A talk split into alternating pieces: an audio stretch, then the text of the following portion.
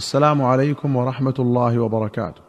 في كتاب الجنائز أخرج البخاري ومسلم عن أم عطية رضي الله عنها قالت أخذ علينا رسول الله صلى الله عليه وسلم مع البيعة الا ننوح فما وفت منا امرأة إلا خمس أم سليم وأم العلاء وابنة أبي سبرة وامرأة معاذ وامرأة أخرى.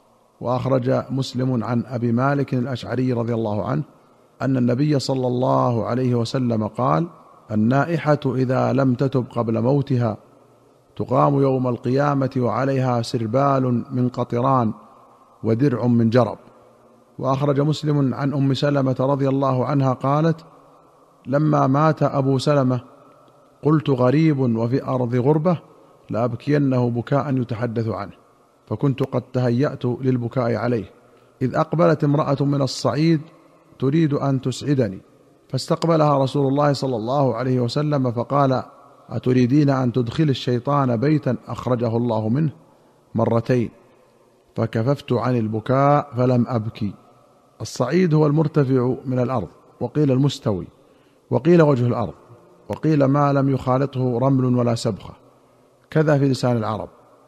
والمراد به هنا عوالي المدينة وقولها تسعدني أي تساعدني في البكاء والنوح يسمونه إسعادا. وأخرج الشيخان عن عائشة رضي الله عنها قالت سمعت النبي صلى الله عليه وسلم يقول ما من نبي يمرض إلا خير بين الدنيا والآخرة. وكان في شكواه الذي قبض فيه أخذته بحه شديدة فسمعته يقول مع الذين أنعم الله عليهم من النبيين والصديقين والشهداء والصالحين وحسن أولئك رفيقا. فعلمت أنه خير. قالت وبين يديه ركوة أو علبة شك الراوي فيها ماء فجعل يدخل يديه في الماء فيمسح بهما وجهه يقول لا إله إلا الله إن للموت سكرات. ثم نصب يده فجعل يقول في الرفيق الأعلى حتى قبض. فمالت يده صلى الله عليه وسلم. وللبخاري قالت مات رسول الله صلى الله عليه وسلم وإنه لبين حاقنتي وذاقنتي فلا أكره شدة الموت لأحد ابدا بعد النبي صلى الله عليه وسلم.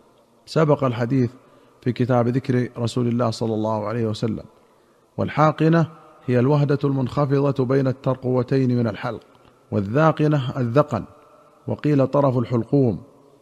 وقيل ما يناله الذقن من الصدر. وأخرج الشيخان عن أبي هريرة رضي الله عنه أن امرأة سوداء كانت تقم المسجد أو شابا فقدها رسول الله صلى الله عليه وسلم فسأل عنها أو عنه. فقالوا مات. قال أفلا كنتم آذنتموني؟ قال فكأنهم صغروا أمرها أو أمره. فقال دلوني على قبره فدلوه فصلى عليها. ثم قال إن هذه القبور مملوءة ظلمة على أهلها وإن الله ينورها لهم بصلاة عليهم. وأخرج الشيخان عن ابن عباس رضي الله عنهما قال أتى رسول الله صلى الله عليه وسلم قبرا منبوذا فقالوا هذا دفن أو دفنت البارحة. قال أفلا آذنتموني؟ قالوا دفناه في ظلمة الليل وكرهنا أن نوقظك. فقام فصفنا خلفه. قال ابن عباس وأنا فيهم. فصلى عليه وكبر اربعا وأخرج مسلم عن جابر بن سمرة رضي الله عنه قال أتي النبي صلى الله عليه وسلم برجل قتل نفسه بمشاقص فلم يصل عليه. المشاقص جمع مشقص وهو نصل السهم أي حديدته إذا كانت طويلة غير عريضة. وقيل هو سهم له نصل عريض. وأخرج البخاري ومسلم عن أنس رضي الله عنه قال مر على النبي صلى الله عليه وسلم بجنازة فأثنوا عليها خيرا فقال وجبت ثم مر بأخرى فأثنوا عليها شرا أو قال غير ذلك فقال وجبت فقيل يا رسول الله قلت لهذا وجبت ولهذا وجبت قال شهادة القوم المؤمنون شهداء الله في الأرض وفي رواية قال مروا بجنازة فأثنوا عليها خيرا وذكر نحوه. فقال عمر ما وجبت؟ قال هذا أثنيتم عليه خيرا فوجبت له الجنة. وهذا أثنيتم عليه شرا فوجبت له النار. أنتم شهداء الله في الأرض. هذا لفظ البخاري. ولمسلم قال مر بجنازة فأثني عليها خير. فقال النبي صلى الله عليه وسلم وجبت وجبت وجبت. ومر بجنازة فأثني عليها شر. فقال نبي الله صلى الله عليه وسلم وجبت وجبت وجبت. فقال عمر فدا لك أبي وأمي. مر بجنازة فأثني عليها خير.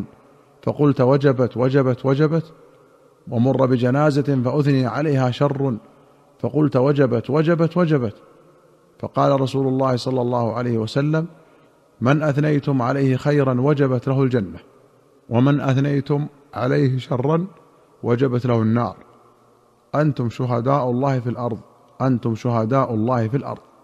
وأخرج البخاري عن أبي الأسود الدؤلي قال أتيت المدينة وقد وقع بها مرض والناس يموتون موتا ذريعا. فجلست إلى عمر بن الخطاب فمرت جنازة فأثنوا عليها خيرا. فقال عمر وجبت. ثم مر بأخرى فأثنوا عليها خيرا. فقال وجبت. ثم مر بالثالثة فأثني على صاحبها شر. فقال وجبت. فقلت وما وجبت يا أمير المؤمنين؟ قال قلت كما قال النبي صلى الله عليه وسلم أيما مسلم شهد له أربعة بخير أدخله الله الجنة. فقلنا وثلاثة؟ قال وثلاثة. فقلنا واثنان؟ قال واثنان. ثم لم نسأله عن الواحد. قوله موتا ذريعا أي سريعا أو واسعا. وقوله أثني عليها خير وأثني عليها شرا. روي برفع خير وشر وبنصبهما في الحديثين وكلاهما صحيح. وأخرج البخاري ومسلم عن أبي هريرة رضي الله عنه أن النبي صلى الله عليه وسلم قال الشهداء خمسة المطعون والمبطون والغريق وصاحب الهدم والشهيد في سبيل الله ولمسلم قال ما تعدون الشهيد فيكم؟ قالوا يا رسول الله من قتل في سبيل الله فهو شهيد. قال إن شهداء أمتي إذا لقليل. قالوا فمن هم يا رسول الله? قال من قتل في سبيل الله فهو شهيد. ومن مات في سبيل الله فهو شهيد. ومن مات في الطاعون فهو شهيد. ومن مات في البطن فهو شهيد. والغريق شهيد. المطعون الذي يموت بالطاعون. والمبطون الذي يموت بداء البطن. والهدم بالتحريك البناء المهدوم. وبالسكون الفعل نفسه. قال النووي قال العلماء المراد بشهادة هؤلاء كلهم غير المقتول في سبيل الله أن لهم في الآخرة ثواب الشهداء. وأما في الدنيا فيغسلون ويصلى عليهم. وأخرج مالك والشافعي وأحمد وأبو داود والنسائي وابن حبان والطبراني في الكبير والبيهقي في السنن والبغوي بسند حسن عن جابر بن عتيك رضي الله عنه أن رسول الله صلى الله عليه وسلم جاء يعود عبد الله بن ثابت فوجده قد غلب عليه فصاح به فلم يجبه فاسترجع رسول الله صلى الله عليه وسلم وقال غلبنا عليك يا أبا الربيع. فصاح النساء وبكين فجعل ابن عتيك يسكتهن فقال رسول الله صلى الله عليه وسلم دعهن فإذا وجب فلا تبكين باكية. قالوا يا رسول الله وما وجب؟ قال إذا مات. فقالت ابنته والله إن كنت لأرجو أن تكون شهيدا فإنك كنت قد قضيت جهازك. فقال رسول الله صلى الله عليه وسلم إن الله قد أوقع أجره على قدر نيته. وما تعدون الشهادة؟ قالوا القتل في سبيل الله. قال رسول الله صلى الله عليه وسلم إن شهداءكم إذا لقليل الشهداء سبعة سوى القتل في سبيل الله. المطعون شهيد والحريق شهيد والغرق شهيد وصاحب ذات الجنب شهيد والمبطون شهيد والذي يموت تحت الهدم شهيد والمرأة تموت بجمع شهيدة. الهدم كما تقدم بالفتح البناء المهدوم وهو أيضا ما تهدم من نواحي البئر فسقط فيها. قوله تموت بجمع أي تموت وفي بطنها ولد. قال ابن الأثير وقيل التي تموت بكرا. والجمع بالضم بمعنى المجموع كالذخر بمعنى المذخور وقد تكسر جيم وتفتح والمعنى أنها ماتت مع شيء مجموع فيها غير منفصل عنها من حمل أو بكارة. أيها المستمعون الكرام إلى هنا نأتي إلى نهاية هذه الحلقة.